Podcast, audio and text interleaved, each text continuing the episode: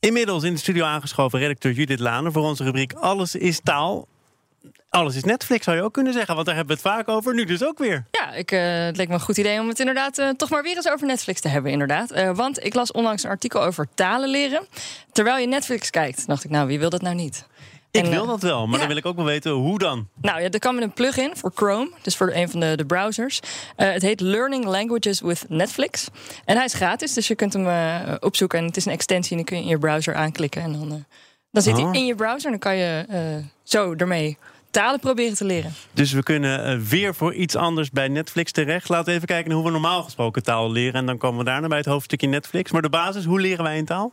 Hoe leren wij taal? Uh, nou, daarvoor heb ik even gebeld met uh, Gea Dressler. Zij is universitair docent Engelse taalkunde aan de Vrije Universiteit in Amsterdam. En uh, zij vertelde eerst leer je woordjes, dan leer je structuren en dan blokjes met uitspraken. Dus ja, de, de veel voorkomende uitspraken. En dan pas grammatica. En over die grammatica en hoe we dat leren is nog wat debat over wat nou precies juist is, vertelde ze. Vroeger was het veel meer grammatica-regeltjes leren en uh, alle Duitse naamvallen, alle voorzetsels die met een bepaalde naamval gingen.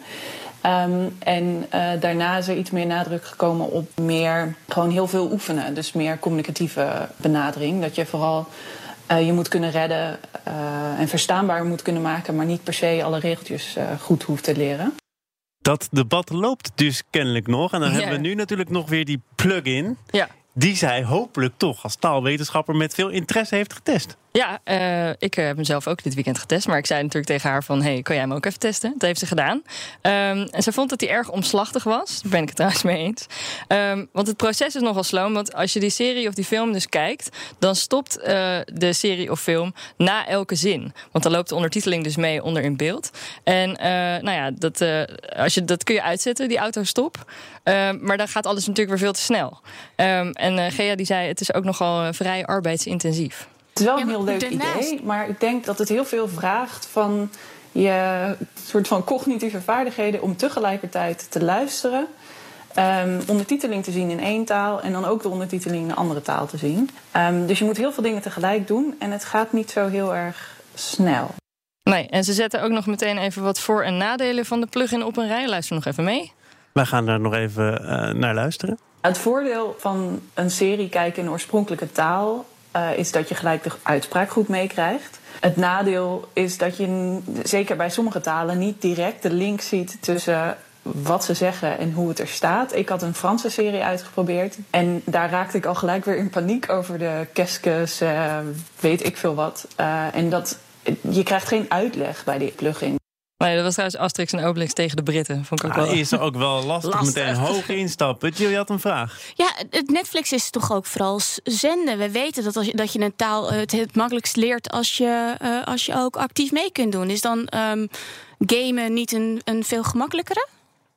Gamen? Hoe bedoel je gamen? Nou, een, serious game in plaats van Netflix. Het uh, voelt een beetje onnatuurlijk aan om, om Netflix als een taalleermachine te gaan zien. Ja, dat, dat kan. Uh, dat heeft Gea ook verteld, want ik heb vanochtend even met haar gebeld. En uh, ze zei ook. Uh, inderdaad, uh, alleen lezen is geen optie. Alleen spreken, ja, ook eigenlijk geen optie. Alleen luisteren, ook geen optie. Je moet alles inderdaad met elkaar samen doen. Daarom dacht ik ook van, oh, interessant. Ik ben benieuwd hoe dit, uh, hoe dit werkt. En vooral ja, of het inderdaad zin heeft. Dus ja, um, dat ik, is... ik zit gewoon te ploeteren met Rosetta Stone. Ken je dat?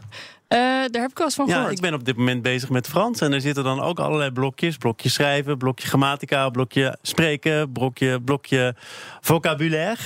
En uh, ik denk toch zes jaar Frans, VWO. Ik ben toch maar weer gewoon begonnen bij bonjour. Maar het gaat uitstekend. Maar in, in, dit geval moet ik het dus vooral zien in de ondertiteling van Netflix en die proberen te volgen. Dat is eigenlijk de kern van wat Netflix aanbiedt. Ja, want het heb ik eigenlijk nog niet uitgelegd, maar dat zal ik nog even doen hoe het dus werkt. Um, dus het werkt alleen in je browser, dus niet op je telefoon, ook niet op je iPad, uh, of dus je tablet uh, of je mobiel. Um, uh, je moet, en ook niet op je tv trouwens, want ik dacht, dat is handig. Je gaat Hè? tv kijken. Huh? Oh, dat is wel even een belangrijke nee, het is, disclaimer. Het is echt in je browser. Ja, nee, nee, maar je moet, je moet wel. nou ja, dus het werkt alleen daar. Uh, dan moet je die plugin dus downloaden. Dan kan je door een catalogus bladeren. Dan kies je dus een serie of een film. En het belangrijke is dat je de ondertiteling van de serie of de film die je kiest... op die taal van die serie of film zet. Dus als ik ik dacht dus, oké, ik wil Deens leren. Dus ik had een Deense serie uitgekozen. En dan moet je dus de ondertiteling wel even op Deens zetten. Want dan zie je die meelopen in de, uh, de tekst. Of uh, in beeld. Vrij complex. Nou, valt mee. Ik bedoel, dan kan je dus, dan hoor je dus wat mensen in de serie zeggen. En dan kan je dus lezen. En grappig genoeg deed ik dat voor mijn eindexamen voor Frans en Duits uh, ook. Dus dan ging ik ZTF aanzetten en dan zo'n uh, romantische comedy op zondagavond. Die zijn niet zo moeilijk.